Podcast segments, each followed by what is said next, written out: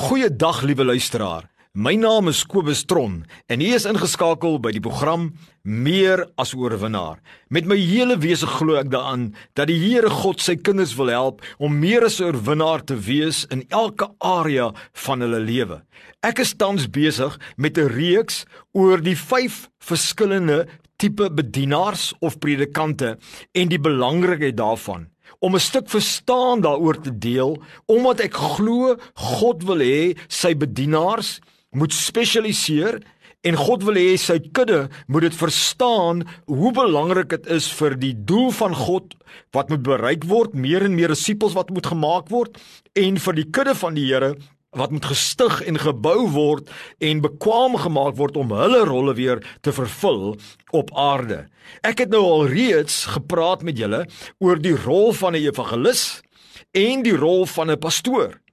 En vandag wil ek fokus op die rol van 'n leraar. Maar kom ons gaan kyk weer gou na wat is hierdie 5? Efesiërs 4:11 sê hierdie volgende: En hy Jesus het sommige gegee as apostels, ander as profete, ander as evangeliste, ander as pastore en ander as leraars. Baie duidelik wys die woord van die Here dat daar leraars is, pastore is, evangeliste is, profete is en apostels is. En ek glo met my hele wese dat al 5 speel 'n uiters belangrike rol, dat nie een meer belangrik is as die ander een nie, maar dat God hulle roep om te spesialiseer. Nou dit beteken nie dat 'n profeet ook kan geroepe wees om 'n leraar te wees. Met ander woorde, daar 'n kombinasie kan wees nie, maar ek glo daar sal een van hulle sal dan dominant uitstaan. En ek glo bedienaars op aarde moet spesialiseer. God roep ons om te spesialiseer in die gawe wat God ons geroep het en dat ons moet verstaan dat nie alle bedienaars gaan evangeliste wees of die werk van evangelis doen of alle bedienaars gaan wil die rol van 'n pastoor speel nie of 'n leraar of 'n apostel. So ek is nou besig om dit te verduidelik. Wat is 'n leraar? Hoe verskil 'n leraar van 'n evangelis, 'n pastoor? 'n profeet, 'n apostel. Kom ons gaan staan 'n bietjie stil. In Handelinge 13 vers 1 sê die Bybel: In die gemeente in Antiochië was daar profete en leraars. Kyk mooi die onderskeid wat hy stel: profete en leraars. Hy sê nie net bedienaars nie, hy maak baie duidelike onderskeid. Reg en hy sê daar is 'n leraar en daar is 'n profeet. Hulle albei is predikante.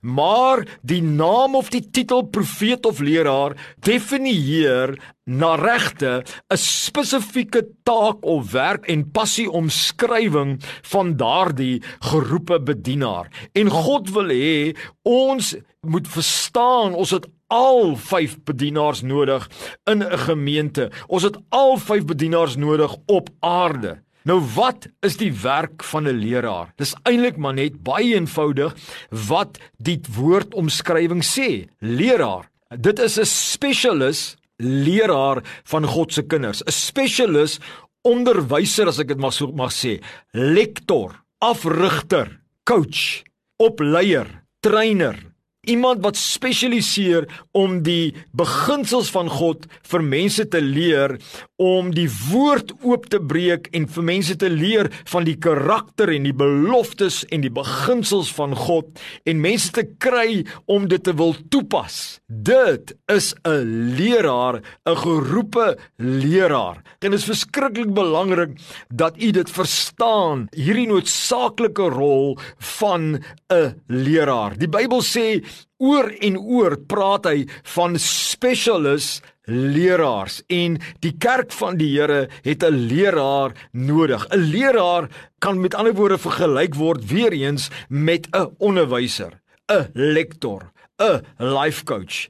Dis iemand wat die absolute passie het om die woord van die Here te verkondig die beginsels van die Heer van die woord oop te breek en om te help toesien ook, luister baie baie belangrik, dat die kerk van die Here en ander bedienaars bly gerig bly op die woord van God, die Bybel as fondasie. 'n Leraar is spontaan woordgebaseer op 'n hoër golflengte as of golf uh, of werking as die ander bedienaars en dit is daarom die heeltyd die lyne te help trek deur raad en bemoediging dat almal bly by die basiese beginsels van die Here. Nog 'n werk van 'n leraar is ook om byeenkomste te organiseer waar hulle spesialiseer in lering, soos byvoorbeeld 'n Bybelskool Dit is die werk van 'n leraar om byvoorbeeld die prinsipaal van 'n Bybelskool te wees of 'n teologiese skool. En dan bestaan daardie opleidingsskool deur ander leraars wat help leer en help toerus en selfs ander bedieninge wat help toerus en mense vertel van hulle spesialis areas.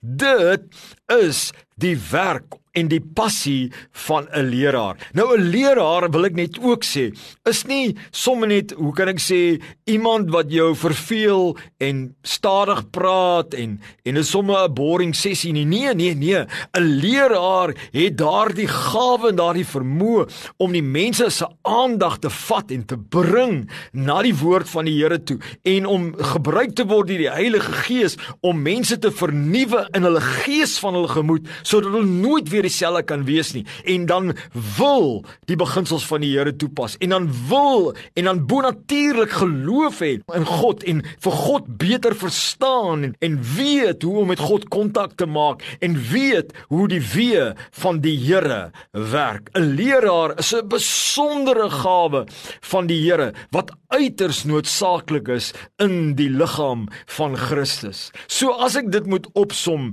my liewe vriend, dan is 'n leraar 'n spesialis opleier toeruster van God se kinders in die weë van die Here, in die beloftes van God en in die karakter van God en in verhouding met God. As ons gaan kyk na die vyf vingers, dan langsaan die ringvinger is jou pinkie en die pinkie verteenwoordig die leraar in die bedieningshand van die Here.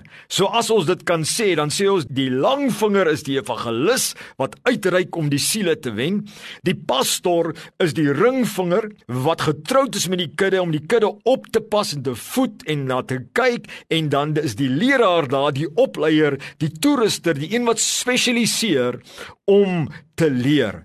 Is dit nie wonderlik om te kan sien hoe almal saamwerk nie? Nou dink daaraan. Dink gou saam met my hoe tragedies dit is. Moet wees as jy regtig waar geroep is as 'n bedienaar, maar jy word geforseer om te leer terwyl jy eintlik evangelis is wat moet gaan siele wen.